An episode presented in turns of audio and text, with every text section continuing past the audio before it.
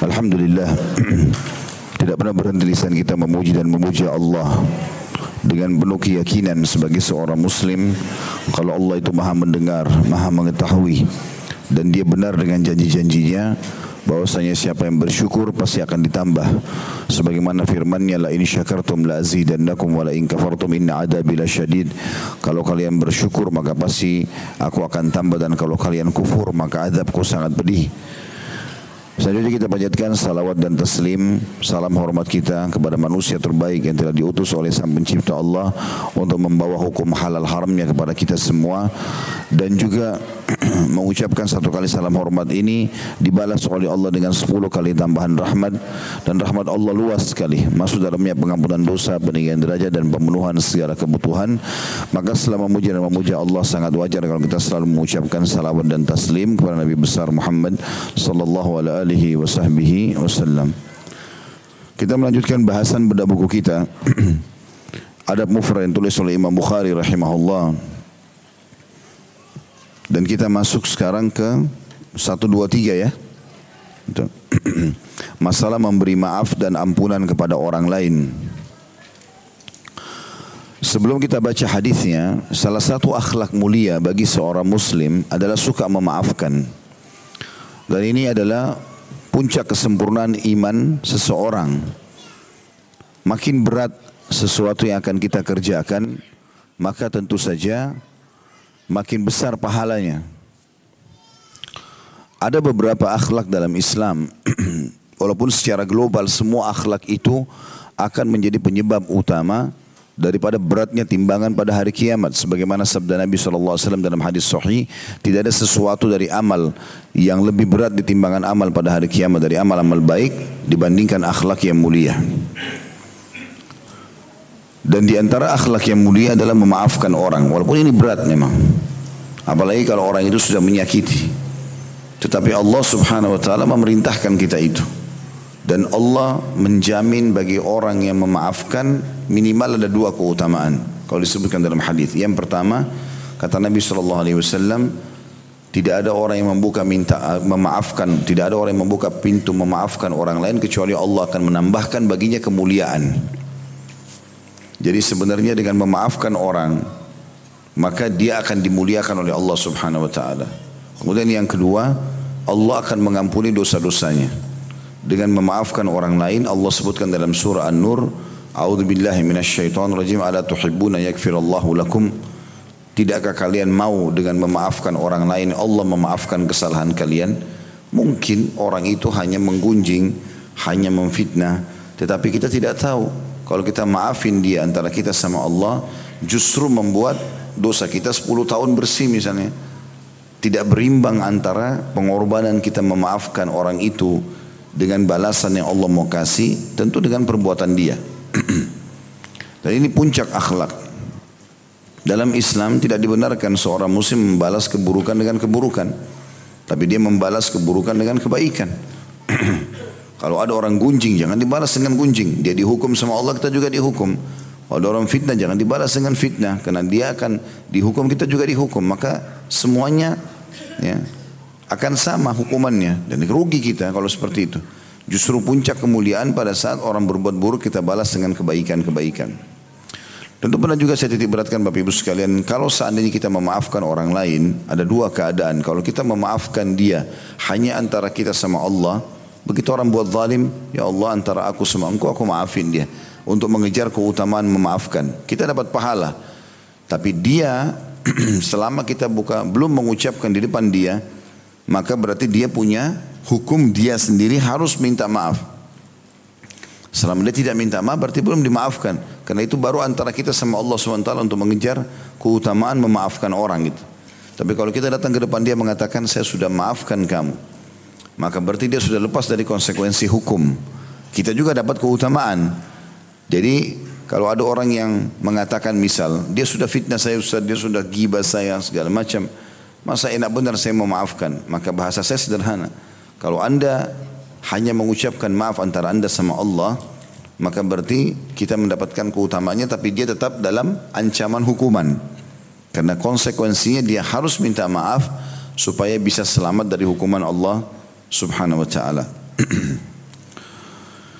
Kita akan bacakan hadisnya pertama dalam bab ini. Hadis nomor 243 Imam Bukhari rahimahullah berkata Abdullah bin Abdul Wahhab mengabarkan kepada kami ia berkata Khalid bin Harith atau Khalid bin Al Harith mengabarkan kepada kami ia berkata Syu'bah mengabarkan kepada kami dari Hisham bin Zaid an Anas anna Yahudiyatan atatin Nabiya sallallahu alaihi wasallam bishatin masmumah fa'akala minha فجئا بها فقيل ألا نقتلها قال لا قال فما زلت أعرفها في لحوات رسول الله صلى الله عليه وسلم dari Anas radhiyallahu anhu beliau berkata bahwasanya ada seorang wanita Yahudi menemui Nabi sallallahu alaihi wasallam dengan membawa daging domba yang beracun. Lalu beliau memakannya. Maksudnya di sini karena tidak tahu kalau itu ada racunnya lalu wanita itu didatangkan lalu dikatakan apakah sebaiknya kita bunuh dia? Para sahabat mengatakan kita bunuh nggak perempuan ini? Wanita Yahudi yang membuat racun atau menyebarkan atau memberikan daging yang beracun kepada Nabi SAW. Maka beliau menjawab Wasallam, jangan. Anas selalu berkata, aku masih tetap mengenali bekas racun itu di langit-langit Rasulullah Sallallahu Alaihi. Hadis ini memiliki kandungan yang pertama boleh menerima hadiah dari orang musyrik karena yang memberikan makanan kepada Nabi SAW orang Yahudi. Dan mereka dianggap musyrik. Ya. Kafir yang musyrik. Mereka masih menganggap Allah punya anak. Ya, sebagaimana Allah katakan dalam Al-Quran. Yahudi berkata Uzair anaknya Allah. Selama memang sesuatu yang diberikan itu bukan haram. Bukan suatu haram misalnya anjing, naudzubillah, babi atau hewan-hewan yang bertaring Selama itu hewan halal dimakan. Dan hukumnya hukum zahir. Hukum zahir artinya kita tahunya ini diberikan yang sudah kita makan saja. Gitu. Kita tidak perlu tanya orang ini dari mana sumbernya. Kita diberikan kita kasih, kita terima selama itu memang dasarnya halal. Makan itu halal dalam Islam. Kecuali kita sudah tahu jelas sumbernya dia misalnya seseorang pencuri atau koruptor atau memang dia kerja di tempat yang haram, kita sudah tahu pasti sumbernya dan dia beli dari uang itu jangan kita makan. Tapi kalau kita tidak tahu maka umum hukumnya tentunya. Yang kedua, hadis ini membantah keyakinan sekte Brilfi di semenanjung Hindia dan sekitarnya. Mereka begini bahwasanya Nabi SAW mengetahui perkara gaib. Dan yang kita yakini sebagai seorang muslim, Nabi SAW pun tidak tahu yang gaib. Dan banyak dalil berhubungan dengan masalah itu. Sering kali Nabi Muhammad SAW ditanya tentang sebuah hukum, maka beliau tidak jawab. Tunggu wahyu turun. Ada yang pada hari yang sama, ada bahkan lewat dari satu hari itu. Baru Nabi SAW mengatakan, mana yang bertanya tadi? Mana yang bertanya kemarin? Barulah Nabi SAW mengatakan telah sampai kepada aku wahyu begini dan begitu. Dan Nabi SAW tidak pernah malu menyampaikan itu. Pernah ada orang Yahudi pun datang bertanya sesuatu, Tepatnya Abdullah bin Salam, pendeta mereka pada saat mau masuk Islam. Dia bertanya, dia mengatakan, saya mau tanya kepada Muhammad, pertanyaan yang tidak diketahui kecuali oleh Nabi. Maka Nabi SAW, maka orang itu pun bertanya, dia mengatakan, saya ingin tanya, apa makanan pertama di surga? Kemudian, kapan laki-laki anak itu menyerupai ayahnya, kapan menyerupai ibunya, kapan anak laki-laki, kapan anak perempuan. Maka Nabi SAW mengatakan, baru saja Jibril datang menyampaikan kepadaku tentang jawabannya. Sampai Abdullah bin Salam mengatakan, sungguh dia musuh orang-orang Yahudi dari kalangan malaikat. Tetapi Nabi SAW tidak malu mengatakan, saya baru disampaikan tadi. Karena beliau tidak tahu yang gaib. Dalam Al-Quran Allah mengatakan, A'udzubillahi minasyaitonirrajim. Allah suruh Nabi Muhammad SAW ucapkan ini, walau kuntu alamul ghaiba, lastakthartu minal khairi wa mamassani su. Andai saja aku tahu yang gaib, maka tentu saja aku akan memperbanyak amal-amal kebaikan dan juga aku tidak akan ditimpa satu masalah. Jadi Nabi SAW pun tidak tahu dan Nabi kalau belum turun wahyu beliau tidak tahu apa-apa. Seperti itu yang terjadi pada saat kasus ifk. Ifk itu fitnah yang pada saat difitnahkan Aisyah berzina radhiyallahu anha. Kurang lebih sebulan wahyu putus dari langit. Gak ada informasi. Maka Nabi SAW ikhtiar saja kumpulin para sahabat, diskusi sama mereka. Antara riwayat adalah beliau duduk sama sepupunya sendiri, Zubair bin Awam, Karena ibunya Zubair Sofia adalah tante Nabi SAW dan Ali bin Abi Thalib yang merupakan pamannya, ayahnya Abu Thalib adalah paman Nabi SAW. Diskusi bagaimana? Dia. Maka Ali bin Abi Thalib yang berikan sarannya Rasulullah yang paling kenal Aisyah adalah pembantunya. Coba tanya, pasti pembantu tahu ke mana tuannya, di majikannya ngapain aja. Dipanggil pada saat itu pembantunya ditanya gitu kan. Waktu ditanya, pembantunya mengatakan saya tidak pernah lihat keburukan dari Aisyah. Satu-satunya kesalahan yang saya anggap salah karena ibunya pembantu orang tua, Aisyah masih muda radhiyallahu anhu Bilang pernah saya buat adonan roti buat Aisyah sama buat Anda ya Rasulullah. Terus saya bilang sama Aisyah, saya ada hajat, mau saya mau ke kamar kecil, tolong dijaga ini. Tapi Aisyah tertidur, akhirnya dimakan oleh kambing. Nah, adonan itu dimakan oleh kambing. Maka gara-gara itu saja, ya kesalahan pernah, atau itu saja kesalahan yang pernah dilakukan dan saya tidak pernah kesalahan yang lain. Contoh saja itu ikhtiar. Sampai Ali bin Thalib marah sama pembantu Aisyah mengatakan, jujurlah di hadapan Nabi SAW. Dia bilang saya tidak berkata kecuali kejujuran. Contoh ini ikhtiar karena belum turun wahyu. Nabi SAW juga kumpul di masjid, kumpulin para sahabat. Kenapa ya? Ada orang yang menyakiti aku di istriku dan sahabatku. Kenapa ada yang mengatakan Aisyah berzina? Sahabatku maksudnya Safwan yang dituju. Sementara aku tidak pernah tahu dari keluarga kecuali kebaikan, selalu soleha. Dan aku tidak pernah tahu dari sahabatku itu kecuali pada saat masuk ke rumah bersama dengan aku. Tidak pernah dia masuk sendiri ke rumahku.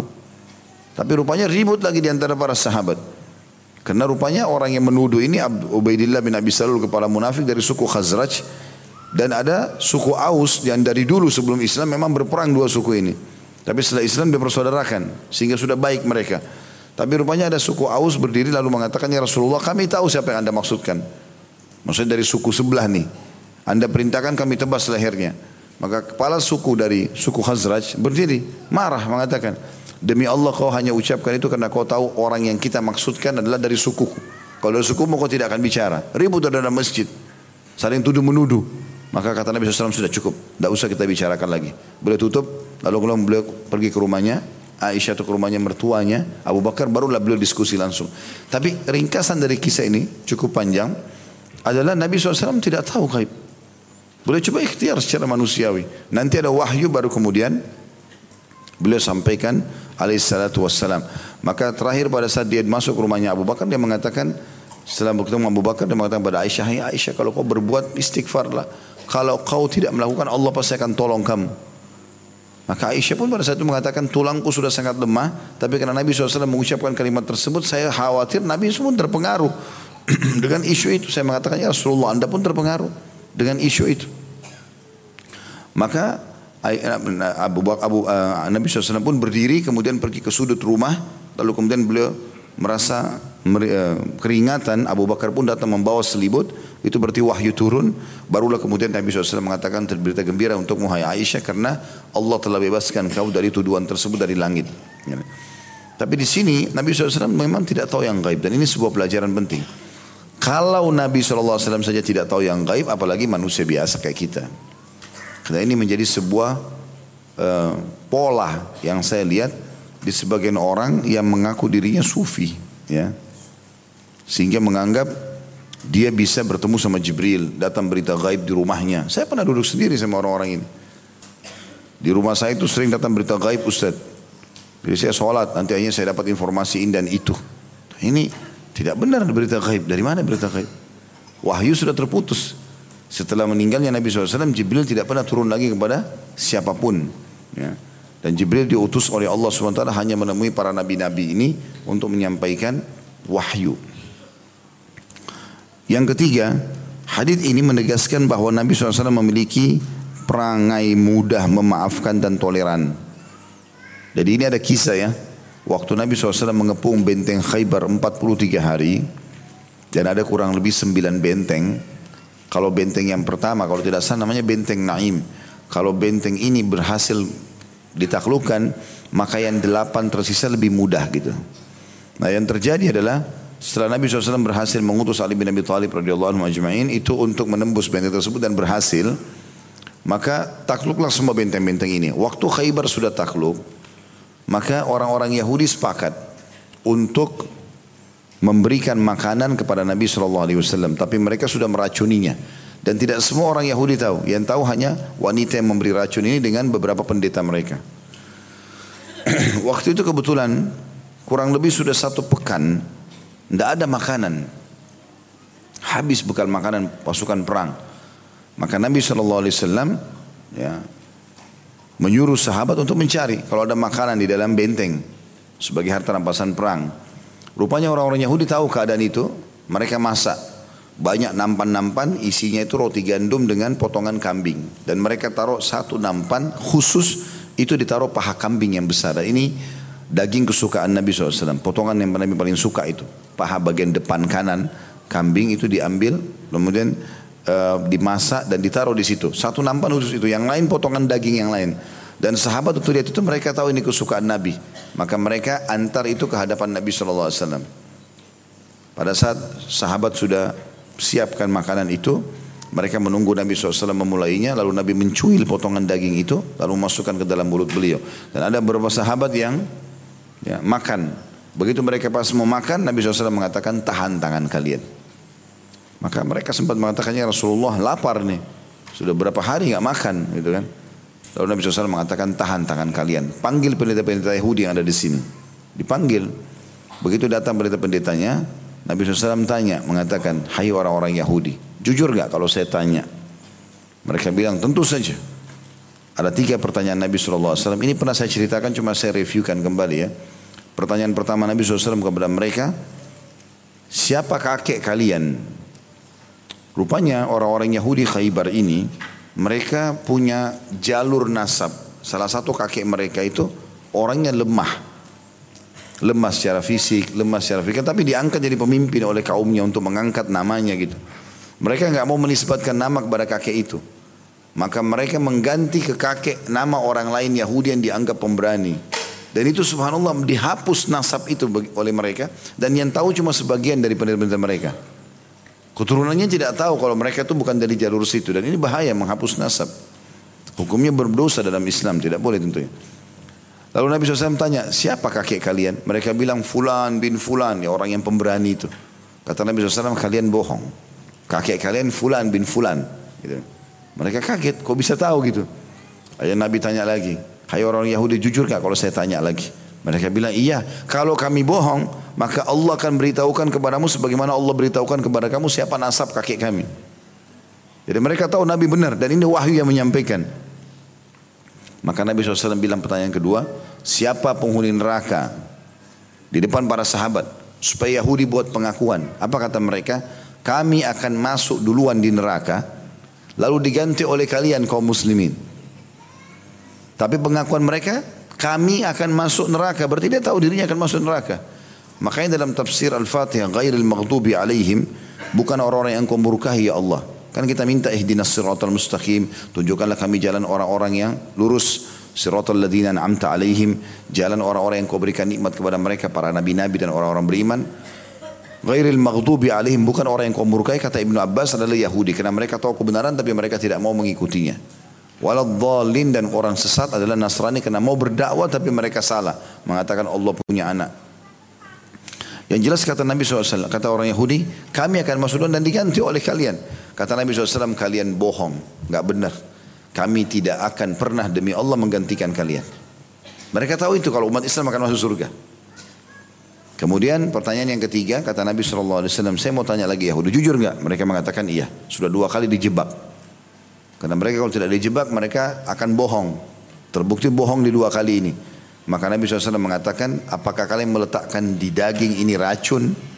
Ada racun nggak di daging ini, di makanan ini? Mereka mengatakan iya. Lalu kata Nabi SAW, kenapa kalian lakukan?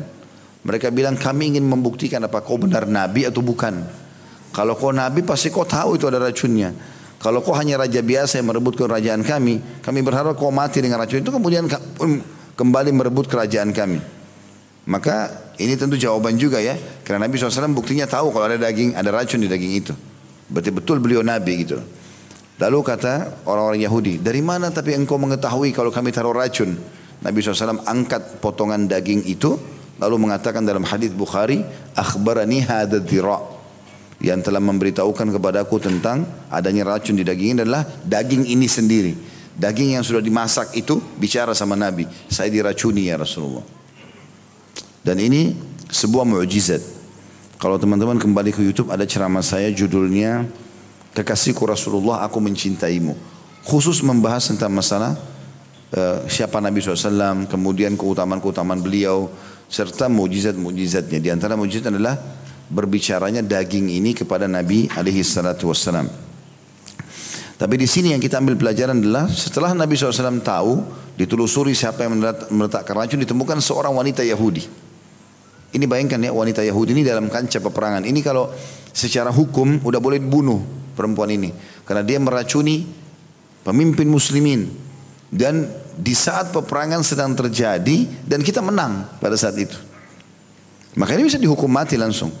Tapi Nabi SAW melihat beliau tidak, beliau ada racun itu. Tapi tidak tidak terlalu berbekas seperti yang dibayangkan. Walaupun ada riwayat yang menjelaskan kalau Nabi SAW mengatakan aku terus merasakan gangguan racun itu seakan-akan memutus urat-uratku.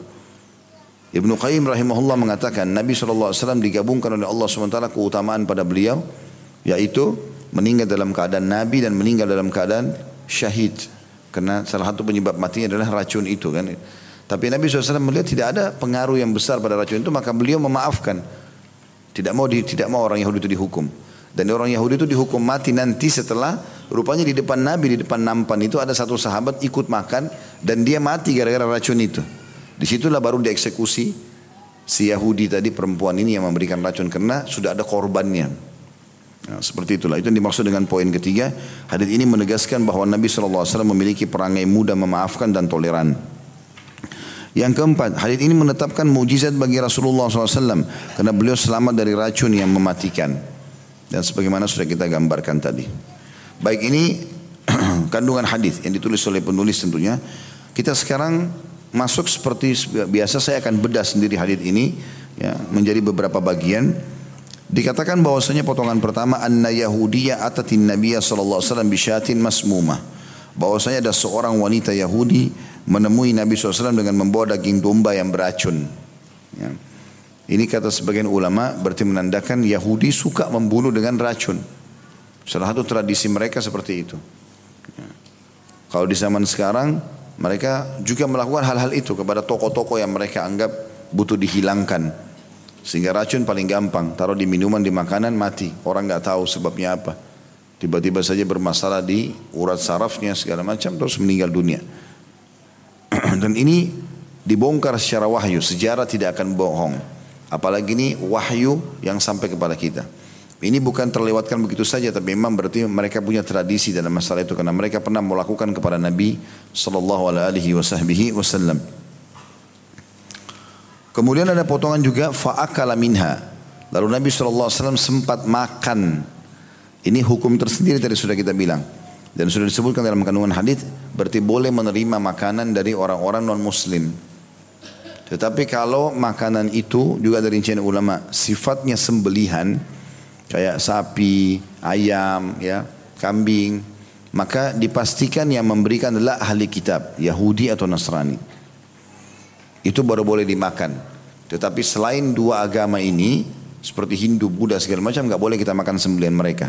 Karena Allah sebutkan dalam surah Al-Maidah, surah nomor 5 ayat 5 tentang masalah kita boleh memakan sembelihan ahli kitab.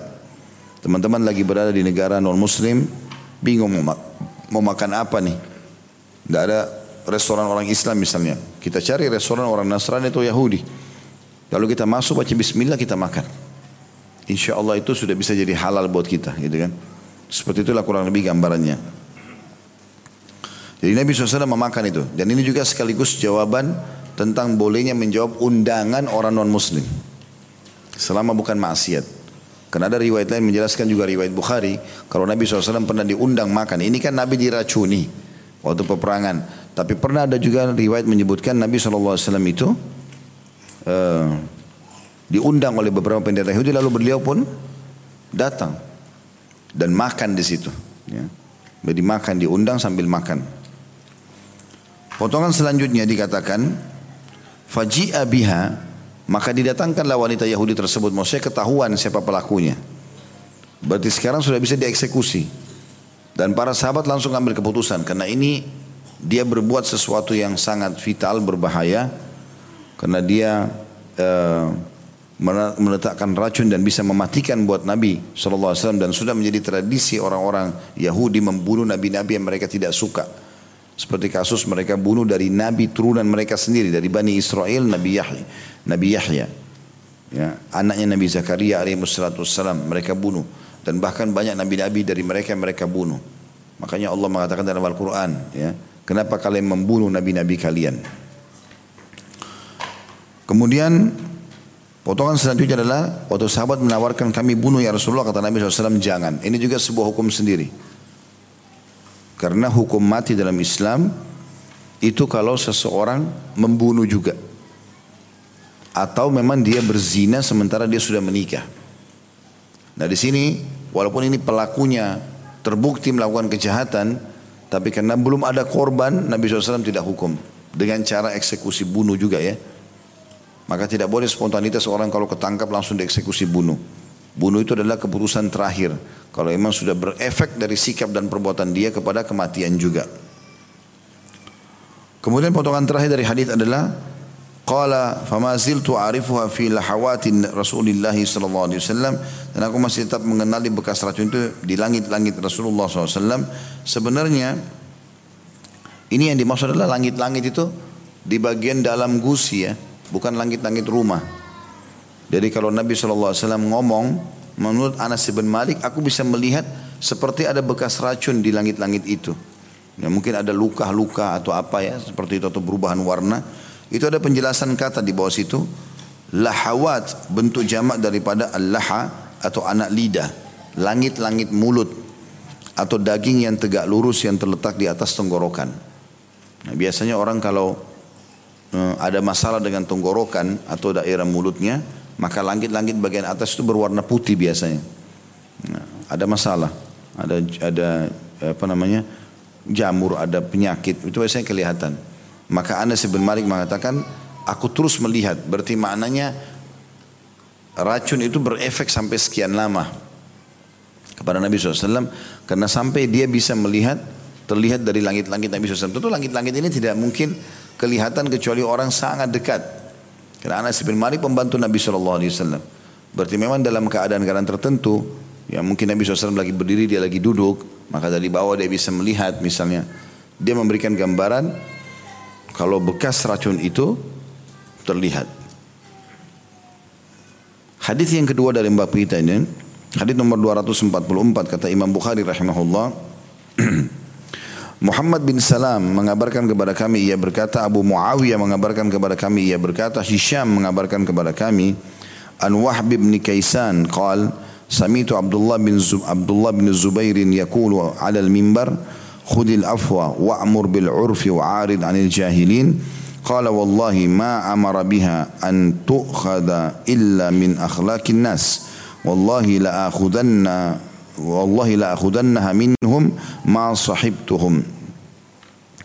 dari Wahab bin Kaisan ia berkata aku mendengarkan Abdullah bin Zubair radhiyallahu anhuma dia dan ayahnya sahabat berkata di atas mimbar tentang ayat terjemahannya maafkanlah dan perintahkanlah untuk berbuat baik serta berpalinglah dari orang-orang bodoh ia berkata demi Allah dia tidak memerintahkan untuk dilaksanakan melainkan untuk berakhlak kepada manusia.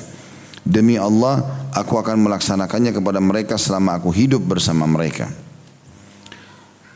Kandungan hadis ini, dalam hadis ini atau dalam hadis di atas terdapat anjuran bersikap adil menghiasi diri dengan akhlak yang terpuji, seperti mudah memaafkan kesalahan orang lain, mengajak kepada kebaikan dan berpaling dari orang-orang bodoh dengan bersikap ramah dan meninggalkan membalas kejahatan dengan yang serupa.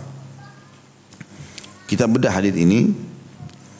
Abdullah bin Zubair radhiyallahu anhu dia adalah salah satu sahabat yang cukup banyak meriwayatkan hadis. Dikenal dengan ada empat Abdullah. Abdullah bin Abbas, Abdullah bin Umar, Abdullah bin Zubair, ya.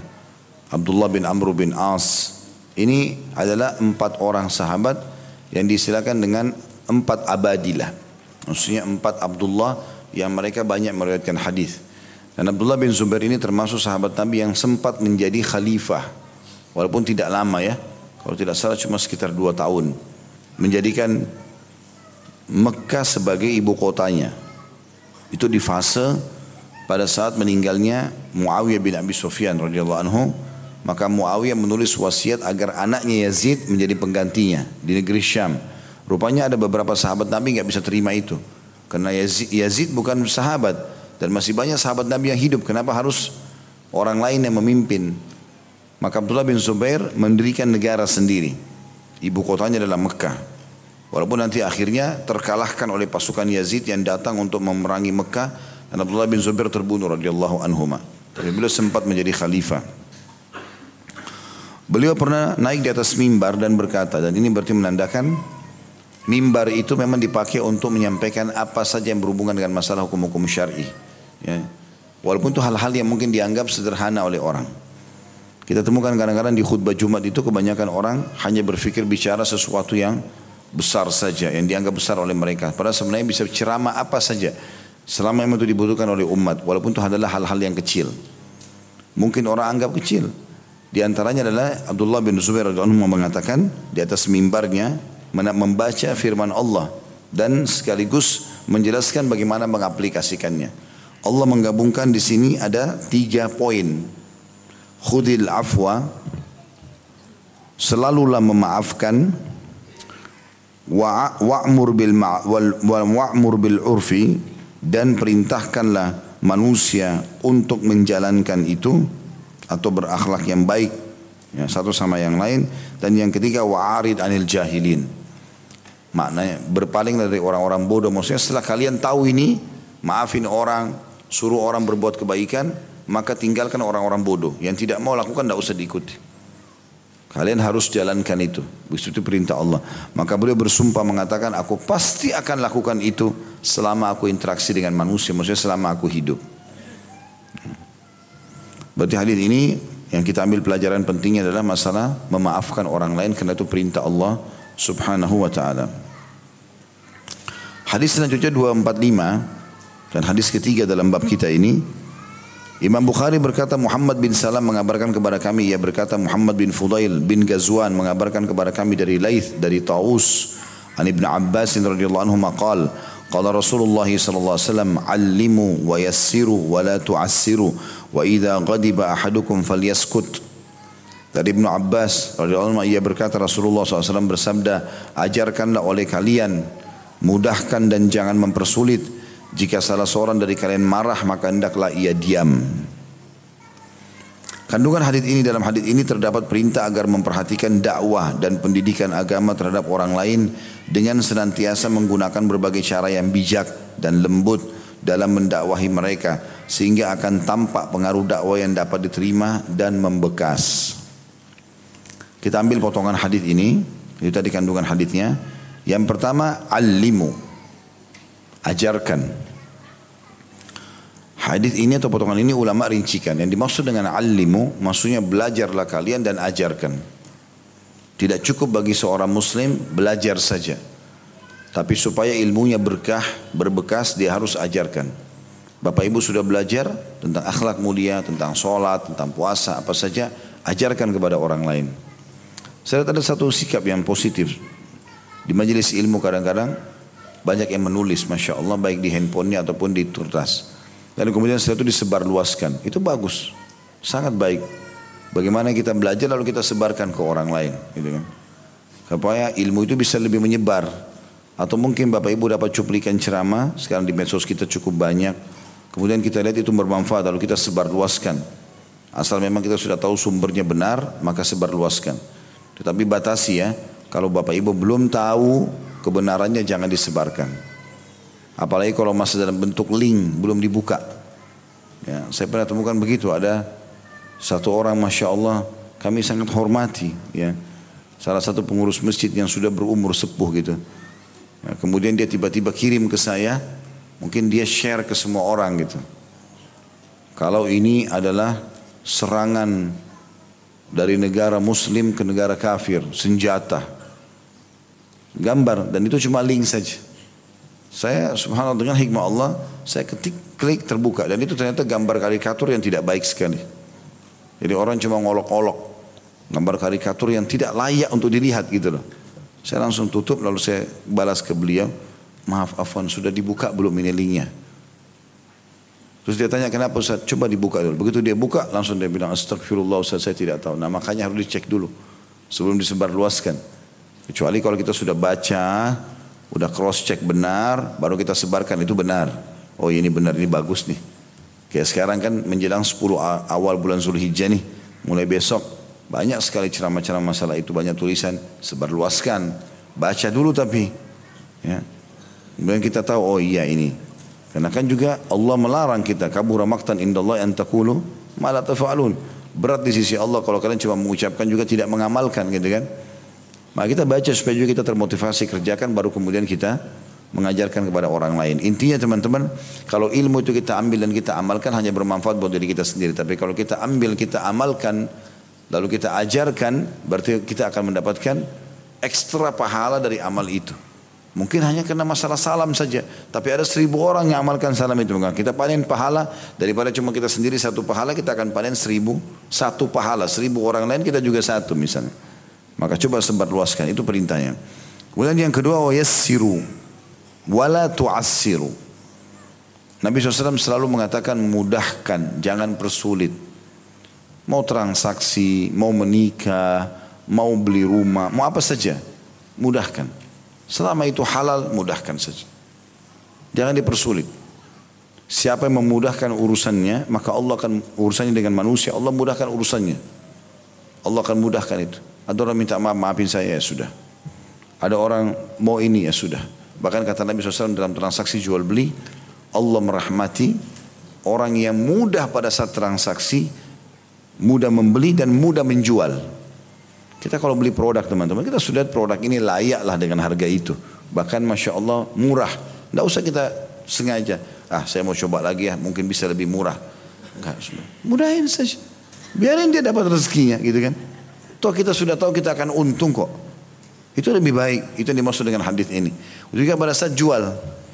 Kalau kita sudah lihat orang ini memang pengen dia mau beli kasih. Gak ada masalah. Gak usah ditahan. Ah mungkin nanti ada pembeli bisa beli lebih mahal. Itu nanti. Mungkin saja itu transaksi terakhir kita. Mungkin kita mati setelah itu. Allahu alam. Dan itu mungkin amal baik terakhir yang kita kerjakan. Berbuat baik sama orang gitu kan. Jadi nggak ada kata-kata ditunda. Tapi di sini kalimat memudahkan artinya seorang muslim itu hidupnya tidak ada yang sengaja dibesar-besarkan. Ada orang begitu. Karena ada masalah kecil dibuat jadi besar. Ada temannya terlambat saja datang. Marah sama temannya satu minggu. Untuk apa? Hanya karena terlambat datang. Nunjukkan kalau dia memang itu bisa ngambek misalnya. Apa gunanya? Gak ada gunanya. Syaitan malah tunggangi keburukan itu kan. Enggak sudah. Udah maaf tadi telat. Oh udah gak apa-apa deh. Lain kali jangan telat ya. Sudah selesai buka lembaran baru gitu kan. Jadi selesai. Begitu kurang lebih makna daripada hadis ini. Kemudian Nabi SAW meneliti pesan tentang satu poin penting. Yaitu. Wa idha ghadiba ahadukum falyaskut. Kalau salah seorang dari kalian sudah ma masuk pada bab emosi. Maka diamlah. Tidak usah lagi berbicara. Karena orang kalau emosi. Ya, dia sudah dikuasai oleh emosinya itu. Sehingga tidak terkontrol lagi kata-kata yang keluar. Tadinya dia bijaksana, justru malah keluar kata-kata yang tidak baik. Dan ini juga satu hal yang positif dalam Islam.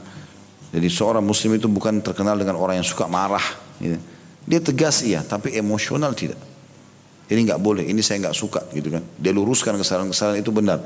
Dikatakan Nabi SAW tidak pernah marah kalau hak beliau pribadi. Tapi kalau sudah pelanggaran agama terjadi maka beliau pun marah. Dan Nabi SAW dikatakan dalam banyak oleh banyak, oleh banyak sahabat meriwayatkan kalau Nabi SAW mengingatkan tentang hukum-hukum Allah di atas mimbar maka kami menyaksikan wajah beliau memerah sampai mata beliau pun memerah seperti seorang panglima perang yang sedang membakar semangat para para prajuritnya supaya bisa berperang gitu.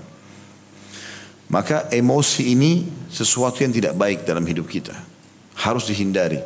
Penyebab efek secara medis paling banyak penyebab stroke darah tinggi itu adalah emosional, gitu kan. Dan ini penyakit yang paling tidak nyaman. Ya, tidak baik gitu loh. Secara hukum syariat dilarang. Pernah ada sahabat laki-laki mengatakan, Ya Rasulullah, saya mau hidup bahagia. Apa wasiat anda? Jadi dalam hadis ini mengatakan, wasiatkan saya Rasulullah. Jadi seakan-akan maknanya adalah, saya mau hidup bahagia. Enak sama orang siapa pun bisa berjalan gitu. Kata Nabi SAW, jangan kau emosi.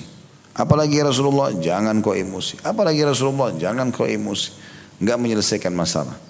Buyar semua idenya, matanya jadi melotot, akhirnya juga kata-katanya jadi kasar, tangannya pun jadi kasar. Hmm. Itu makna daripada hadis ini tentunya. Itu tiga buah hadis yang kita ambil dari bab yang baru saja kita pelajari tentang masalah memberi maaf dan ampunan kepada orang lain. Kita akan masuk sekarang ke bab baru 124 atau pasal baru. Ini tentang bersikap lapang kepada sesama manusia. Lapang dada. Hadis pertama dalam bab kita ini nomor 246 Muhammad bin Sinan mengabarkan kepada kami ia berkata Falih bin Sulaiman mengabarkan kepada kami ia berkata Hilal bin Ali mengabarkan kepada kami An Atha ibn Yasarin radhiyallahu anhu qal laqitu Abdullah bin Amr bin As radhiyallahu anhuma فقلت أخبرني عن صفة رسول الله صلى الله عليه وسلم في التوراة. قال فقال أجل والله إنه لموصوف في التوراة ببعض صفاته في القرآن. يا أيها النبي إنا أرسلناك شاهدا ومبشرا ونذيرا وهرزا للأميين. أنت عبدي ورسولي. سميتك سميتك المتوكل. atau mutawakkil samaitukal mutawakkil laisa bifadhin wala ghalidh wala sakhabin wala sakhabin fil aswaq wala yadfa'u bis sayyi'ati sayyi'ah walakin ya'fu wa yakfir ولن يقبضه الله تعالى حتى يقيم به الملة الملة الأوجاء بأن يقول لا إله إلا الله ويفتح بها أعين عمياء wa adanan summa wa quluban gulfa. Dari Atha bin Yasar rahimahullah beliau berkata aku bertemu dengan Abdullah bin Amr bin As radhiyallahu anhuma. Dua orang sahabat Abdullah dan ayahnya Amr bin As adalah sahabat. Dan ku katakan kata Atha bin Yasar seorang tabi'in rahimahullah beritahukan aku tentang sifat Rasulullah SAW dalam Taurat. Maka Abdullah bin Amr bin As radhiyallahu anhu menjawab baik demi Allah sungguh sifat beliau disebutkan dalam Taurat dengan sebagian dari apa eh, sebagian yang ada dalam Al-Quran yaitu Al-Ahzab ayat 45 yang artinya wahai Nabi sesungguhnya kami mengutusmu sebagai saksi dan pemberi kabar gembira serta peringatan. Kemudian dilanjutkan dalam isi Taurat yang diambil oleh Abdullah radhiyallahu anhu juga sebagai pelindung bagi orang-orang yang tidak dapat membaca dan menulis. Engkau adalah hamba dan utusanku. Aku memberimu nama Al-Mutawakkil atau yang bertawakal. Bukan orang yang berperangai buruk, bukan pula seseorang yang berperangai kasar tidak membalas keburukan dengan keburukan tetapi memberi maaf dan pengampunan dan Allah tidak akan mematikannya hingga ia meluruskan agama yang bengkok hingga mereka mengucapkan la ilaha illallah tidak ada yang berhak disembah kecuali Allah dan telah ter, dan terbuka dengannya mata yang buta hati yang lalai ya, dan juga telinga-telinga yang tuli kandungan hadis ini yang pertama hadis di atas menunjukkan berbagai keistimewaan dan sifat terpuji yang dimiliki oleh Nabi SAW. Nanti kita rincikan sifat itu ya. Insya Allah. Yang kedua hadis di atas merupakan dalil bahwa sifat terpuji yang dimiliki oleh Nabi SAW juga tercantum dalam berbagai kitab samawi. Kita bedah sekarang seperti apa isi hadis ini. Atta bin Yasar rahimahullah seorang tabi'in bertanya kepada gurunya Abdullah bin Amr bin As radhiyallahu anhu. Dan ini juga pelajaran tersendiri.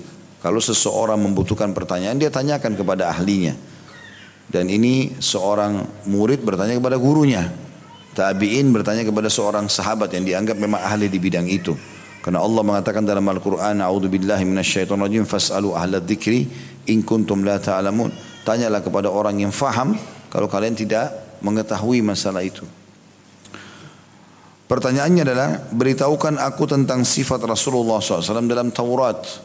Ada enggak pernah Nabi sampaikan dalam Taurat itu ada namaku lo disebut? Saya pengen tahu. Gitu. Maka Abdullah bertanya, baik demi Allah. Maksudnya, ya saya akan ceritakan sama kamu dan demi Allah apa yang saya sampaikan benar. Itu makna baik demi Allah. Ya. Sungguh sifat beliau disebutkan dalam Taurat dengan sebagian apa yang ada dalam Al-Quran. Maksudnya sejalan antara ayat-ayat yang dalam Taurat juga disebutkan dalam Al-Quran. Untuk membuktikan memang ini Nabi yang benar. Bunyinya adalah wahai Nabi, sungguhnya kami mengutusmu sebagai saksi. Apa maknanya saksi? Saksi terhadap seluruh nabi-nabi dan rasul yang datang sebelum beliau dan kitab-kitab yang pernah turun. Sehingga beliau datang, kalaupun orang Yahudi datang bertanya, maka bisa dijawab. Nasrani datang bisa dijawab. Dan tentu yang dimaksud di sini Yahudi Nasrani karena memang mereka orang-orang yang beriman kepada nabi-nabi dan rasul. Sehingga mudah untuk mendakwahi mereka sebenarnya dibandingkan dengan orang yang belum beriman. Kita tidak perlu khawatir menekankan tentang masalah adanya Allah kepada Yahudi dan Nasrani karena mereka yakin itu ada Tuhan. Cuma mereka menolak beriman kepada nabi dan rasul yang datang setelah nabi mereka. Itu saja intinya. Yahudi nggak mau yakin, tidak mau meyakini ada Isa dan ada Muhammad alaihi wassalam. Nasrani tidak mau meyakini ada Muhammad SAW setelah Isa. Dan kita tentu mengimani semuanya itu. Makanya Nabi Muhammad SAW jadi saksi. Saya ini betul-betul pelengkap loh dari nabi-nabi sebelumnya gitu. Makanya Nabi SAW mengatakan sungguhnya perumpamaan aku dengan nabi-nabi sebelumku itu seperti bangunan yang dibangun dengan rapi. Tinggal dan orang-orang keliling memutari bangunan tersebut dan mereka kagum-kagum dengan bangunan itu. Tinggal ada satu batu bata yang belum ditaruh dan kita, dan mereka mengatakan andai saja batu bata itu ditaruh ya maka sempurnalah bangunan ini. Kata Nabi SAW, akulah satu batu bata itu. Dan aku penutup para nabi dan rasul. Jadi apa yang Nabi SAW ajarkan bawa ini bukan sesuatu yang baru. Sudah ada nabi-nabi sebelumnya mengajarkan dan semua nabi-nabi agamanya cuma satu Islam. Tidak ada agama lain, tidak ada agama Yahudi, tidak ada agama Nasrani. Agama Islam, semua nabi-nabi begitu. Ya, gitu. Maka Nabi SAW datang melengkapkan saja itu. Yang berbeda adalah syariatnya, hukum-hukumnya. Allah mengubah dan menambahkan serta mengulangi semaunya. Semua Allah Subhanahu wa taala dengan kemahakuasaannya tentunya. Jadi apa yang ada dalam Taurat mungkin tidak ada dalam Injil atau mungkin ditambahkan atau dihapuskan. Itu juga yang dalam Al-Qur'an. Maka itu dimaksud dengan kalimat ini menjadi saksi dan pemberi kabar gembira maksudnya bagi orang-orang beriman karena orang-orang beriman ya itu mendapatkan kabar gembira dengan kepatuhan mereka mendapatkan kabar gembira dengan kepatuhan mereka ya jadi misalnya orang sholat dapat ini orang puasa dapat ini itu namanya berita gembira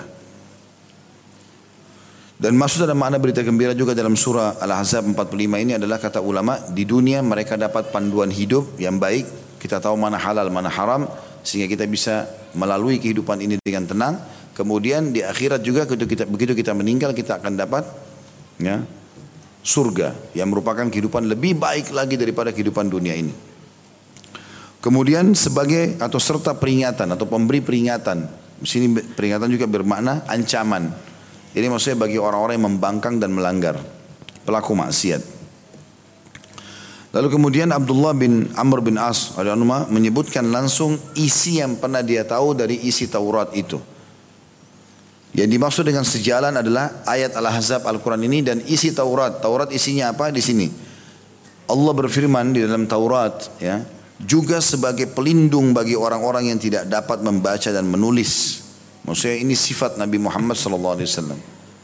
Beliau sengaja diutus oleh Allah SWT tidak, tidak bisa baca dan tulis untuk memberikan gambaran. Itu bagian daripada ilmu iya. Tetapi bukan berarti dengan tidak bisa baca dan berarti dia bodoh enggak. Nabi Muhammad SAW sangat cerdas. Tapi Allah SWT melindungi beliau dari tuduhan-tuduhan. Beliau tidak bisa baca dan tulis ini dengan hikmah ilahi tentunya. Karena dengan keadaan tidak bisa baca tulis saja orang-orang Yahudi masih sebarin isu mengatakan Muhammad mengarang-arang isi Al-Quran mencomot-comot ayat Taurat lalu kemudian meletakkan lalu mengatakan ini kitab dari langit. Dan Allah membantah itu dengan sifat Nabi SAW Nabiun Ummi Nabi yang buta huruf. Kalau orang buta huruf bagaimana caranya comot-comot ayat lalu susun? Itu nggak mungkin.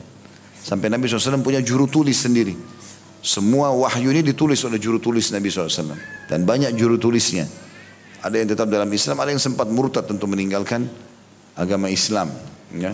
Di antaranya riwayat yang sahih ada pernah orang Nasrani tapi saya seingat saya tidak disebutkan namanya dalam riwayat ini ya. Ada seorang Nasrani yang uh, dia masuk Islam dari dari wilayah Najran. Kemudian dia menjadi penulis wahyunya Nabi. Setelah itu, setelah dia tulis beberapa Al-Baqarah dan Al-Imran, dua surah ini, dia pergi lalu dia murtad. Lalu dia mengatakan, sesungguhnya Muhammad tidak tahu kecuali apa yang telah aku tulis. Dia memberikan gambaran itu Nabi buta huruf, nggak bisa baca, nggak bisa nulis tuh. Jadi saya yang tuliskan dia. Maka berarti apa yang saya tulis cuma itu saja yang dia pegangi. Maka Nabi SAW mengatakan telah dusta dia, gitu kan? Orang ini dusta. Sebenarnya Nabi SAW tahu apa yang ditulis, gitu kan? Walaupun beliau tidak menulis secara langsung. Lalu kemudian orang itu pun dimatikan oleh Allah Subhanahu wa taala pada hari itu juga pada saat dia ucapkan kalimat itu lalu kemudian dikubur oleh teman-temannya. Waktu dikubur keesokan harinya jenazahnya keluar dari kuburan. Maka orang-orangnya teman-teman dari orang Nasrani mengatakan sungguh ini perbuatan Muhammad sama teman-temannya. Mereka tidak suka karena teman kami ini telah meninggalkan agama mereka. Lalu mereka gali lebih dalam lagi kuburan yang kira-kira orang kalau mau gali butuh sehari dua hari. Dalam sekali. Ditaruhlah jenazahnya orang ini. Besok pagi keluar lagi jenazahnya. Begitu juga mereka masih mengatakan ini perbuatan Muhammad sama teman-temannya karena tidak menerima teman kami ini pindah ke atau meninggalkan agama mereka. Mereka gali lebih dalam lagi yang hari ketiga. Ya, yang yakin tidak akan bisa digali gitu loh. Dalam sekali. Ternyata hari ketiga juga sama masih keluar jenazahnya. Maka mereka tahu ini bukan perbuatan manusia setelah itu mereka tinggalkan orang itu. Jadi memang Nabi SAW itu sudah disebutkan tentang kenabiannya. Dan orang kalau membaca Taurat dan Injil dengan benar pasti dia akan mengetahui itu. Lalu dikatakan juga sebagai pelindung bagi orang-orang yang tidak dapat membaca dan menulis kemudian Allah mengatakan engkau adalah hamba dan utusanku di dalam Taurat juga sudah disebutkan tentang kenabian Nabi alaihi salatu wassalam.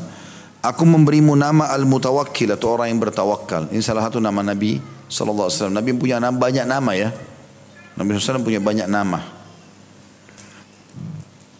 Dalam sebuah riwayat digabungkan lima nama sekaligus. Hadis sahih riwayat Bukhari Muslim. Imam Bukhari seingat saya. Kata Nabi SAW, Ana Muhammadun wa ana Ahmad. Saya Muhammad dan saya Ahmad. Ini Muhammad sama Ahmad sama maknanya ya. Terpuji. Ahmad, Muhammad, Mahmud. Kemudian seperti kita bilang hamada, alhamdulillah, segala puji bagi Allah itu dari akar kata yang sama semua. Maka Muhammad sama Ahmad sama. Kalau dalam Taurat disebutkan uh, nama Ahmad dan di dalam Injil disebutkan Ahmad dan juga Muhammad. Karena Nabi Isa alaihissalam disebutkan dalam surah Saf mengatakan ya'ti min ba'di ismuhu Ahmad. Beliau mengatakan pada Bani Israel, aku adalah utusan Allah kepada kalian dan akan datang Nabi setelahku namanya Ahmad. Itu disebutkan dari Taurat dan Injil, ya, kemudian disebutkan juga di dalam Al-Quran. Tapi nama Muhammad juga disebutkan dalam Injil. Itu diambil daripada pernyataan seorang pendeta yang menemui Abdul Muttalib, kakek Nabi SAW. Waktu dia bertemu dengan Abdul Muttalib sama teman-temannya lagi pergi ke negeri Syam. Tahu dia tanya, dari mana kalian? Kata mereka, kami dari Jazirah Arab, tepatnya dari kota Mekah. Maka kata pendeta tersebut akan keluar nanti Nabi terakhir di kampung kota kalian itu. Dan itu kami sudah tebus, ya, akan keluar Nabi terakhir nanti di kota kalian itu. Uh, yang bernama Muhammad. Waktu itu tidak ada orang Arab bernama Muhammad. Belum ada. Jadi Nabi Muhammad SAW itu orang pertama pakai nama Muhammad di Jazirah Arab. Dan itu diketahui dari seorang pendeta Nasrani yang memberitahukan kepada Abdul Muttalib. Dia mengatakan akan keluar nanti Nabi terakhir di kota kalian itu bernama Muhammad. Maka Abdul Muttalib sama teman-temannya ini, kakek Nabi SAW dan teman-temannya berja, ber, bertekad siapa pun yang dalam mereka yang dikaruniai anak atau cucu pada saat pulang ke Mekah mau dinamakan Muhammad. Maka yang pertama kali dapat cucu adalah Abdul Muttalib dan dia menamakan Nabi SAW dengan Muhammad. Yaitu Nabi SAW lahir, lahir dalam kondisi tali pusatnya sudah tidak ada. Dia lahir dalam kondisi terkhitan. Nabi SAW waktu lahir itu tangannya menengadah ke langit seperti orang yang mau berdoa. Jadi banyak kalimat ibunya melahirkan tanpa sulit gitu kan. Banyak keutamaan-keutamaan yang didapatkan. Maka Abdul Muttalib pun menggendongi depan Ka'bah sambil mengatakan cucuku ini akan punya kedudukan dan aku memberikan nama Muhammad. Karena mengambil nama dari tadi itu ya. Pendeta yang mengatakan masalah itu. Jadi ini ada lima nama. Yang pertama Muhammad dan Ahmad. Ya, ini satu dan dua. Kemudian Nabi SAW mengatakan wa ana mahi. Mahi ini maknanya adalah penghapus. Dan beliau jelaskan, alladhi yamhu ya alladhi yamhu Allah biyasyirk. Yang denganku Allah menghapus kesyirikan. Makanya beliau bernama penghapus kesyirikan ini atau al-mahi. Kemudian beliau mengatakan dan ana wa ana hashir dan saya juga hashir. Siapa itu hashir? Apa maknanya beliau jelaskan? Alladhi yuhsyarun nasu baina yaday. Yang akan dibangkitkan nanti manusia pada hari kiamat setelah aku dibangkitkan. Karena beliau juga jelaskan dalam hadis lain, akulah orang yang paling pertama terbelah kuburannya, kemudian dibangkitkan pada hari kiamat. Baru kemudian manusia yang lain menyusul. Maka nama beliau adalah Al-Hashir. Ini makna yang keempat, nama yang keempat ya.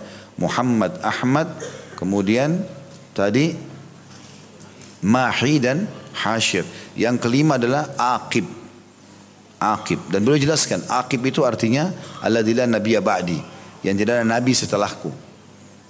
Aqib artinya penghulung, ya tidak ada Nabi lagi setelah beliau. Beliau juga punya nama Al-Mutawakkil ini. Sebagaimana disebutkan dalam hadis ini.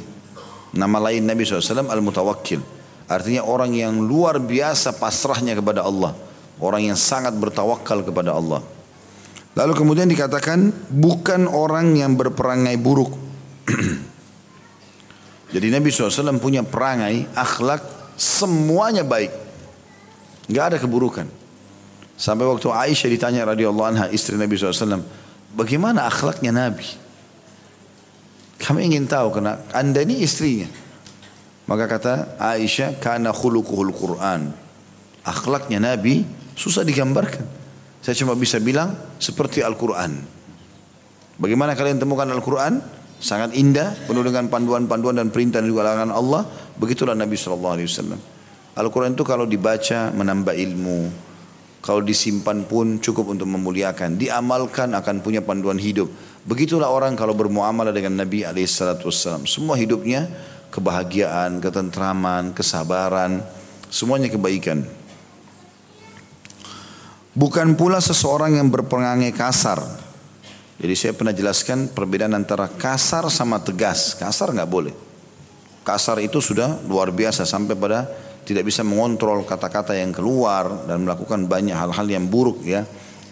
Mungkin sudah sampai pada tingkat ya melakukan perbuatan-perbuatan yang keluar daripada akhlak yang mulia. Mungkin itu tidak perlu dirincikan tentunya. Bapak Ibu sudah tahu. Tetapi kalau tegas boleh, saya tidak suka ini, saya suka begini, kamu harus begini. Misalnya orang tua bilang sama anaknya, suami bilang sama istrinya, itu dibolehkan atau atasan pada bawahnya tegas boleh. Bagian daripada syariat adalah tegas. Kita boleh berlemah lembut tapi diikuti dengan ketegasan. Kapan kita harus tegas? Ini nggak boleh ya tidak tegas. Tapi itu bukan berarti seseorang kasar. Karena kasar itu pasti tutur katanya tidak baik. Tatapan matanya juga jadi tidak baik. Tangannya jadi tidak baik. Kaki tidak baik dan seterusnya. Kemudian tidak membalas keburukan dengan keburukan. Ini tadi di awal kita sebutkan. Ini salah satu ciri Nabi SAW. Tidak pernah beliau balas keburukan orang dengan keburukan yang sama. Karena saya sudah bilang, jelas pelanggaran itu akan dihukum oleh Allah. Kapan dia buat dia dihukum, kapan kita balas yang sama kita juga dihukum. Masih ingat pernah saya jelaskan hadis Nabi SAW, kalau dua orang bertengkar, dua orang ribut, maka murka Allah datang kepada yang memulainya. Siapa penyebabnya nih? Dia mulai, maka murka Allah datang dan yang diam rivalnya akan datang akan dapat rahmat Allah sampai dia membalas. Kalau sudah membalas dua-duanya kena murka. Makanya pada saya bilang tidak ada dalam Islam itu bertengkar-tengkar ini tidak usah. Tinggalkan saja sudah selesai. Lalu dikatakan dia tidak membalas keburukan dengan keburukan tapi memberi maaf dan pengampunan dan ini berarti sifat Nabi SAW akhlak yang mulia sedang jadi saksi bahasan kita adalah memaafkan orang. Dan Allah tidak akan mematikannya hingga ia meluruskan agama yang bengkok hingga mereka mengucapkan la ilaha illallah. Tidak ada Tuhan yang berhak disembah selain Allah.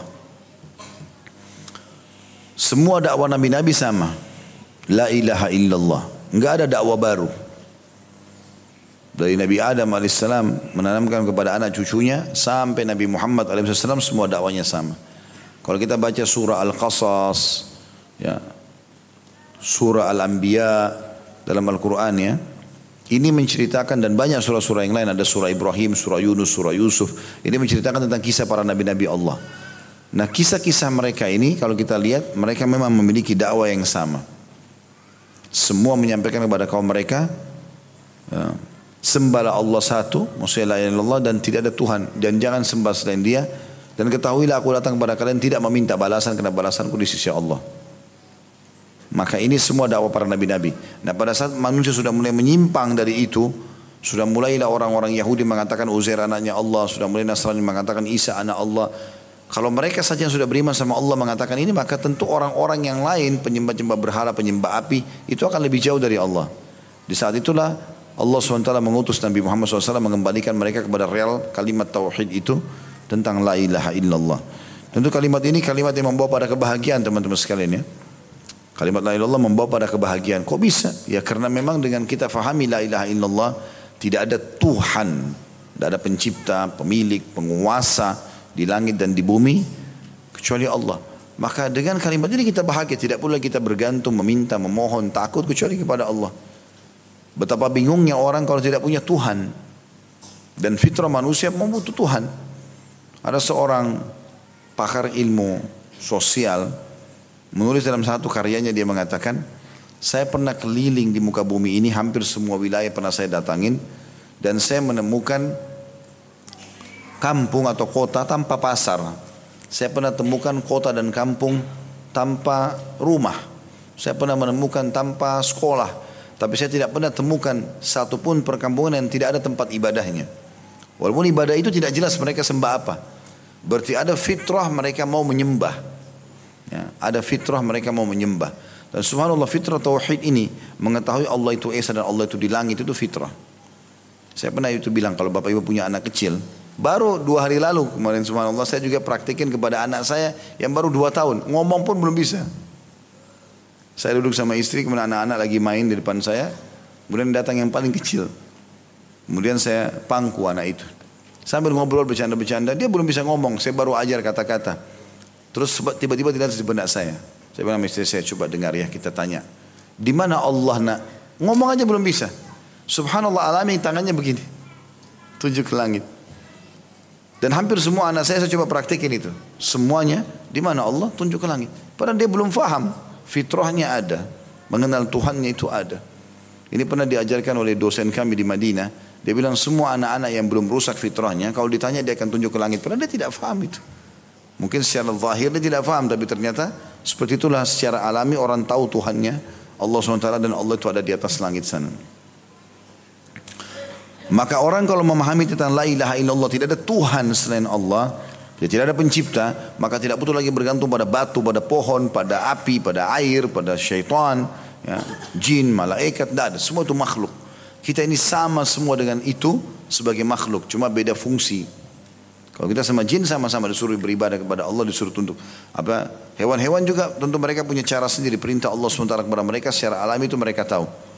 Maka kita sama dengan mereka. Jangan sembah mereka.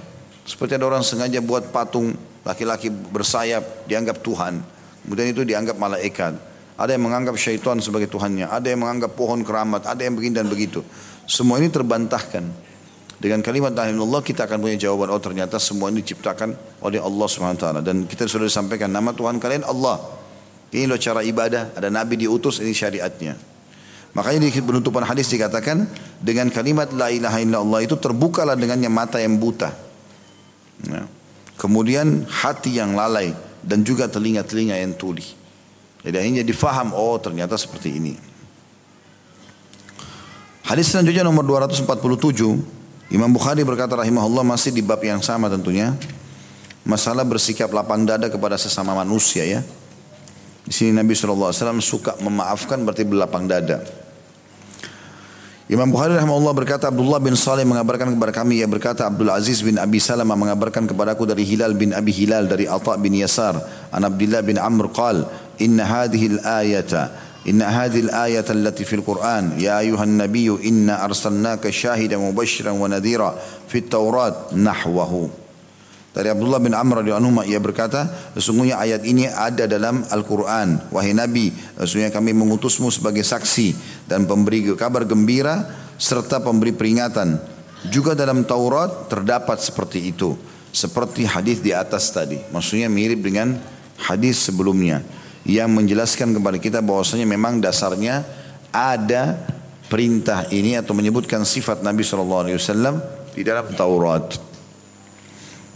Hadis selanjutnya 248 Imam Bukhari berkata rahimahullah Ishaq bin Al-Ala mengabarkan kepada kami ia berkata Amr bin Al-Harith mengabarkan kepada kami ia berkata Abdullah bin Salim Al-Ash'ari mengabarkan kepadaku dari Muhammad ya, yaitu Ibnu Wahib Az-Zabidi dari Ibnu Jabir yaitu Yahya bin Jabir an Abdurrahman bin Jubair bin Nufair haddathahu anna abahu haddathahu annahu sami'a Muawiyah yaqul sami'tu minan nabiy sallallahu alaihi wasallam kalaman nafa'ani Allahu bih سمعته يقول أو قال سمعت رسول الله صلى الله عليه وسلم يقول إنك إن اتبعت إن اتبعت الريبة في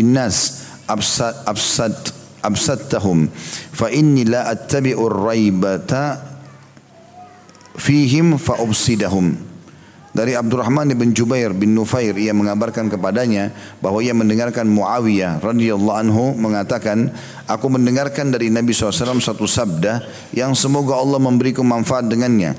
Aku mendengar beliau SAW bersabda aku mendengar atau ia berkata, aku mendengar Rasulullah SAW bersabda, jika engkau mengikuti keraguan pada manusia, niscaya engkau akan merusak mereka. Maka aku tidak mengikuti keraguan pada mereka, karenanya aku tidak ingin merusak mereka. Kandungan hadis ini, hadis ini menunjukkan dorongan dari seseorang atau seorang imam agar mengabaikan dan tidak mencari-cari aib orang lain. Imam maksudnya pemimpin ya. Kalau di dalam bahasa Arab dikatakan imam itu tidak harus imam solat, tetapi pemimpin secara global itu namanya imam juga. Hadis ini menunjukkan dorongan dari seorang imam atau pemimpin agar mengabaikan dan tidak mencari-cari aib orang lain serta anjuran agar menutupinya dan memaafkan mereka. Dan yang semisal dengan hadis ini adalah hadis naha Rasulullah sallallahu alaihi wasallam an yatruka ar-rajulu ahlahu lailan yatakhawwanahum aw yaltamisu atharatihim.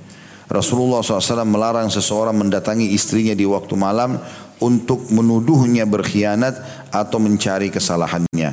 Hadis riwayat Muslim di nomor 715 dan ini dari Jabir. Maksudnya hadis ini juga diriwayatkan oleh Imam Muslim. Hadis ini kita bedah dulu menjadi beberapa bagian. Pertama, dalam sanad hadis ini juga termasuk sanad yang sangat baik. Kalau seseorang itu dia mengajarkan kepada anaknya, anaknya itu diajarkan lagi kepada cucunya. Lalu mereka mengatakan, Misalnya cucu mengatakan saya telah mendengarkan langsung dari ayah saya. Ayah saya mendengarkan langsung dari kakek saya. Maka ini sebuah jalur sanad yang sangat kuat di dalam hadis. Mirip dalam riwayat ini. Abdurrahman bin Jubair bin Nufair haddathahu anna abahu haddathahu. Bahwasanya Abdullah ini Abdurrahman ini berkata dia telah dia langsung telah dibicarakan atau disampaikan hadis oleh ayahnya yang mendengarkan langsung dari Muawiyah. Dan Muawiyah bin Abi Sufyan radhiyallahu anhu adalah salah satu sahabat Nabi yang mulia. 20 tahun menjadi gubernur Syam dan Aman serta juga adil dan 20 tahun menjadi khalifah atau raja. Makanya dikatakan di zamannya Muawiyah itu 40 tahun adalah masa-masa pengabdian yang baik untuk Islam. Muawiyah berkata radhiyallahu anhu, saya pernah mendengarkan Nabi SAW berwasiat atau mengucapkan satu kata-kata yang saya telah mengambil manfaat darinya. Maksudnya seakan-akan beliau mengatakan, saya ingin kalian ambil manfaat juga nih. Apa kalimat itu? Kata Nabi SAW, jika engkau mengikuti keraguan pada manusia, setiap kali ada isu di tengah-tengah manusia, kau selalu mau mengikuti itu, menelusuri itu. Atau makna lainnya, setiap kali kau tunggangi keraguan orang, sehingga akhirnya kau bisa menjadikan itu sebagai aib mereka, niscaya engkau akan merusak mereka. Maka kata Muawiyah, oleh karena itu, aku tidak mengikuti keraguan pada mereka karenanya aku karena aku tidak ingin merusak mereka. Makna hadis ini sejalan dari dikatakan dalam kandungan bahwasanya Nabi SAW melarang seseorang laki-laki mendatangi istrinya di malam hari kemudian untuk memata-matainya dan menuduhnya berkhianat. Apa yang kita bisa ambil dari hadis ini? Tentu bahwasanya tidak boleh seseorang muslim sengaja mencari-cari aib saudaranya. Pasangan kita pun begitu. ini kayaknya pasangan saya tenang-tenang saya ini, mungkin ada selingkuhannya nih, misal. Oh mungkin begini dan begitu. Buat was-was, buat masalah sendiri. Saya pernah nasihati istri saya dengan poin bagi saya penting gitu kan. Kadang-kadang ini uh, kayaknya perlu beli obat ini nih, kayaknya beli perlu obat ini. Terus saya bilang kenapa? Emang sakit? Enggak. Berjaga-jaga? Enggak, saya bilang enggak perlu. Enggak usah beli obat ini obat itu untuk apa? Kalau kita sakit, ya udah kita obati. Kalau enggak, enggak usah. Kenapa melahirkan masalah yang tidak ada? Kan itu tidak ada masalah kan? Kenapa kok kesannya ada masalah? Beranjak dari sini bibit kecil ini akan jadi besar nantinya.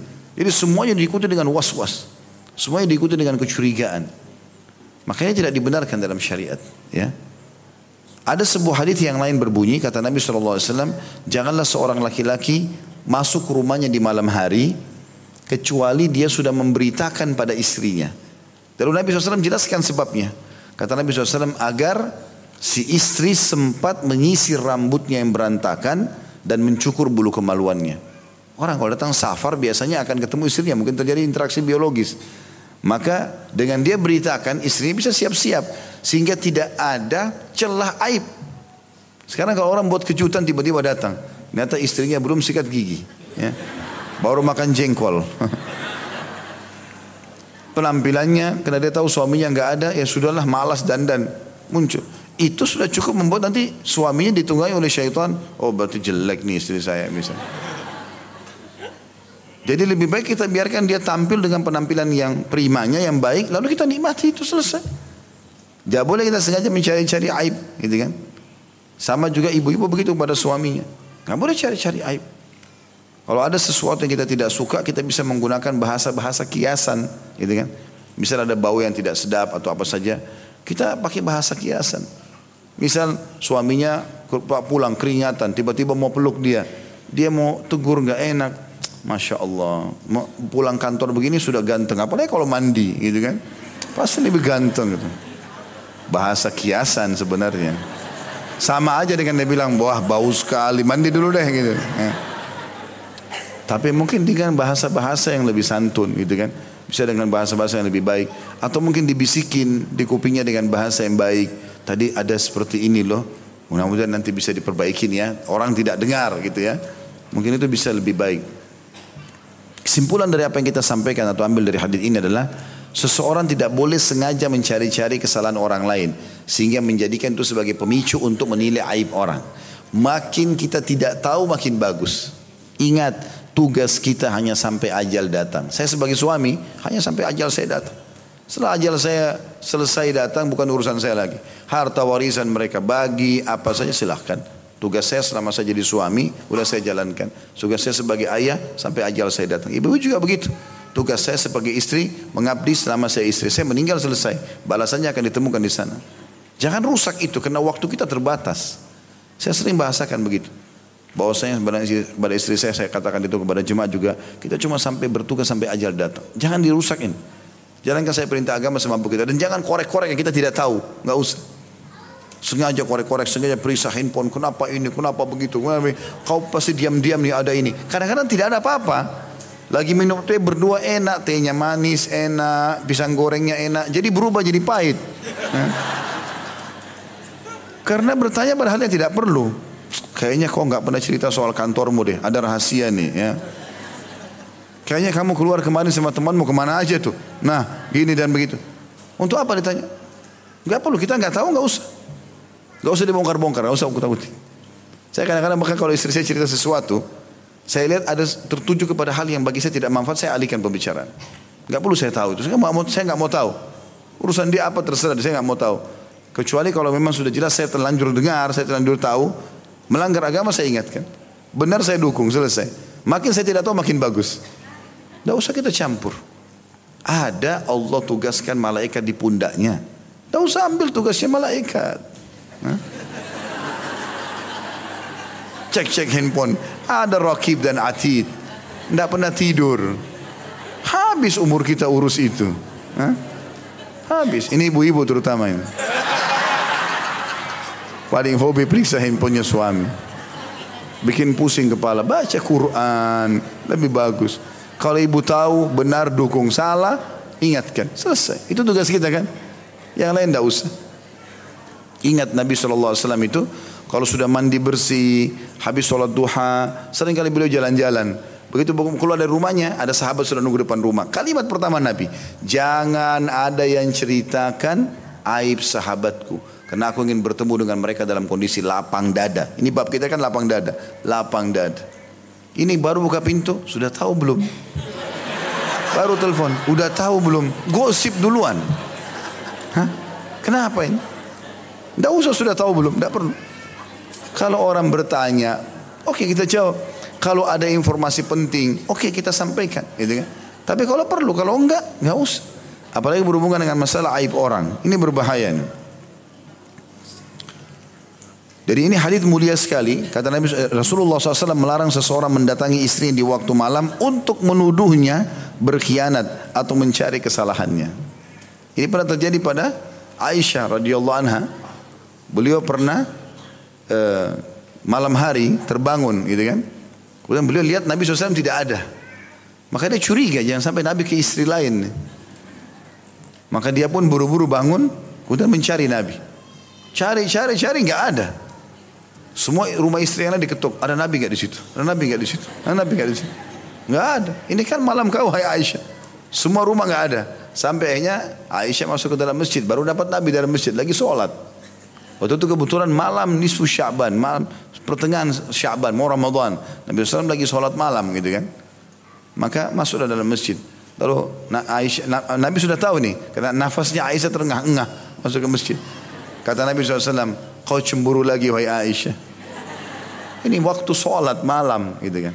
Akhirnya Aisyah pun hanya malu gitu kan. Jadi tidak harus diikuti dengan kecurigaan. Semua bersangka baik. Allah subhanahu wa ta'ala akan menjaga kita kalau kita menjaga hubungan dengannya. Baik. Ada satu hadis lagi semestinya ya. Saya bacakan satu hadis ini. Kata Imam Bukhari rahimahullah nomor 249, Muhammad bin Ubaidillah mengabarkan kepada kami ia berkata, Hatim mengabarkan kepada kami dari Muawiyah bin Abi Muzarrid dari ayahnya ia berkata, sami'tu Abu Hurairah radhiyallahu anhu yaqul, sami'a udunaya hatani wa basru aynaya hatani. Rasulullah sallallahu alaihi wasallam yadayhi jami'an bi kaffai bi kaffai bi kaffiyya atau bi Al-Hasan awil Husaini salawatullahi alaihima wa qadamai wa qadamaihi ala qadami Rasulillah sallallahu alaihi wasallam. Wa Rasulullah sallallahu alaihi wasallam yaqul irqah. Qala farakiya al-gulam hatta wada'a qadamaihi ala sadri Rasulillah sallallahu alaihi wasallam. Thumma qala Rasulullah sallallahu alaihi wasallam iftafak. Thumma qabbalah. Thumma qala Allahumma ahibbahu fa inni uhibbuh. Aku mendengarkan Abu Hurairah anhu berkata, dua telingaku ini mendengar secara langsung dan dua mataku ini melihat secara langsung. Kedua tangan Rasulullah SAW memegangi kedua tangan Al Hasan atau Al Husain satu dari dua cucu beliau ini salah satunya. Salawat Allah tercurah atas keduanya atau kedua kakinya pada kaki Rasulullah SAW lalu beliau bersabda manjatlah. Maka naiklah dia hingga bisa meletakkan kedua telapak kakinya di dada Rasulullah SAW beliau Lalu bersabda, bukalah mulutmu. Maka beliau pun menciumnya. Setelah itu Rasulullah SAW bersabda, Ya Allah cintailah ia, eh, sungguhnya aku mencintainya. Kandungan hadis di sini adalah dalam hadis di atas terdapat anjuran kepada kaum muslimin agar mencintai Al Hasan dan Husain radhiyallahu anhuma. Kita masuk ke kandungan hadisnya. Abu Hurairah radhiyallahu anhu di sini sahabat Nabi yang mulia. Walaupun belum lama masuk Islam, tetapi beliau termasuk sahabat yang paling banyak meriwayatkan hadis. Karena setiap hari kerjanya ikutin Nabi, setiap hari. Abu Hurairah tidak punya pekerjaan khusus radhiyallahu anhu. Ini sudah pernah saya ceritakan kisah beliau. Insya Allah di YouTube sudah ada tentang kisah di serial sahabat ya. Sudah ada 40 orang sahabat sekian yang kita bahas dengan izin Allah SWT. Dan semoga Allah mudahkan insya Allah kita bahas sisa dari sahabat-sahabat dan sahabiat ini. Maka di situ saya sudah jelaskan tentang siapa dia, kenapa dinamakan Abu Hurairah atau Abu Hir, apa sebabnya, keutamanya segala macam. Di antaranya adalah beliau termasuk paling banyak meriwayatkan hadis. Dan beliau pernah mengatakan saya punya dua dua karung hadis. Satu karung saya sudah kasih kalian, satu karung lagi belum saya asik kepada kalian. Kalau saya sampaikan kepada kalian, leher saya bisa terputus. Artinya ada banyak yang saya tahu dari Nabi SAW ini. Mungkin kalau saya sampaikan orang jadi bingung kalau mendengarkan itu.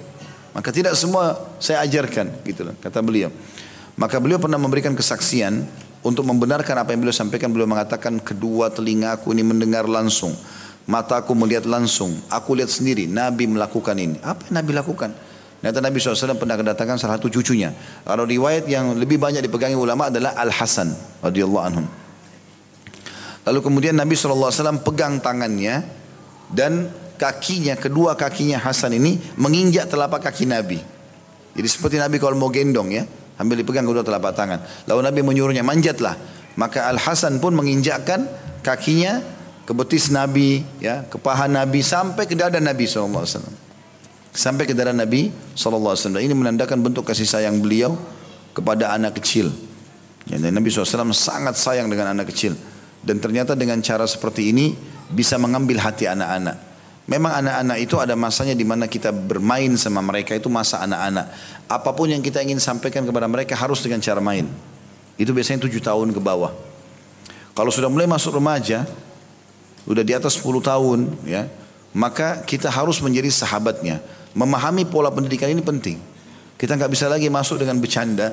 Bisa sesekali, tapi kita masuk dengan jadi sahabatnya. Karena di, di masa umur remaja ini 14 tahun, 10 tahun, 14 tahun, sampai umur 17 tahun, ini lagi masa-masanya ingin punya kenalan banyak.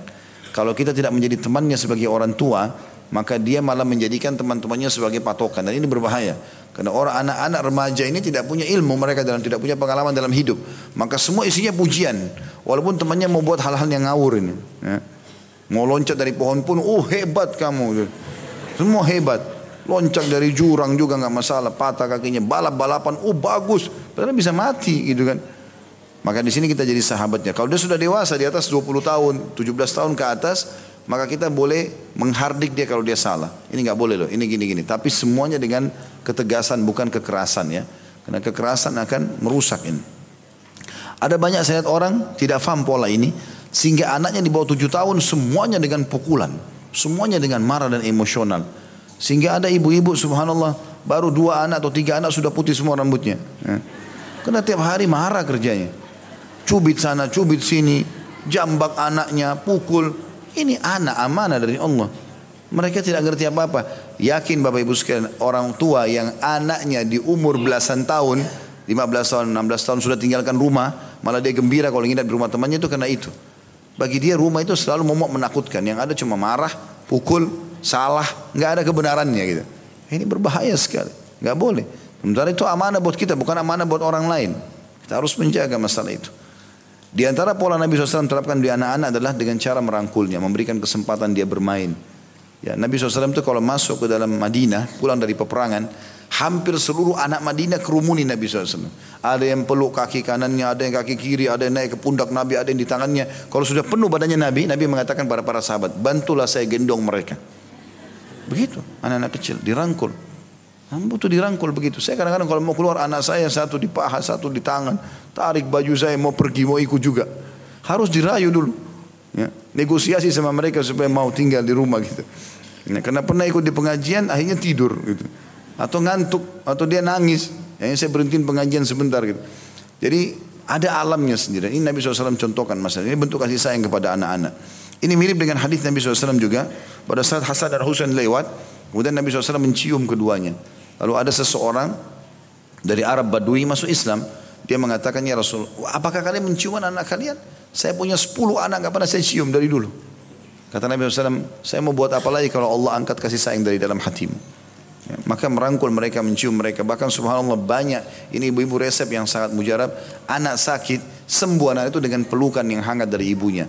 Dengan ciumannya, dengan kasih sayangnya. Biar tidak ada obat bisa sembuh. Itu resep yang luar biasa. Cuma banyak orang tidak paham masalah itu. Anaknya nangis, sudahlah nggak usah nangis. Malah dimarahin. Loh orang sakit terus gimana? Kan gitu. Contoh saja.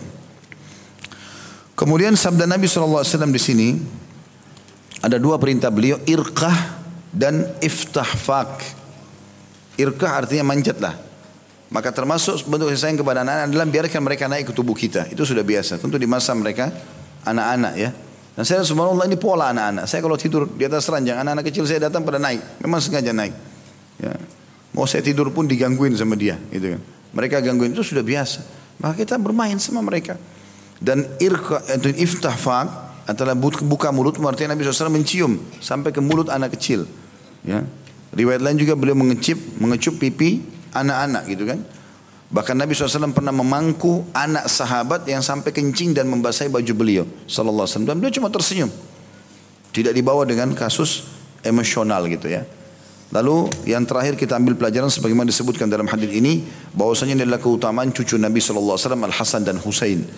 Ya karena memang Nabi SAW mengatakan ya Allah sungguhnya aku mencintai anak ini maka cintailah dia. Jadi salah satu bentuk kecintaan kita kepada Nabi SAW adalah mencintai cucu beliau alaihi wassalatu wassalam. Dan di sini kata perawi hadis Abu Hurairah Hasan atau Husain alaihi wassalatu wassalam. Untuk mereka salawat. Dan ini betul ya. Untuk keturunan Nabi SAW boleh kita mengatakan kalimat ini. Kita, kita baca dalam salawat kita. Allahumma salli ala Muhammadin wa ala ali Muhammad. Ya, ada kalimat ini tentunya. Allahu alam. Begitu saja subhanakallahumma bihamdika asyhadu an la ilaha illa anta astaghfiruka wa atubu ilaik. Wassalamualaikum warahmatullahi wabarakatuh.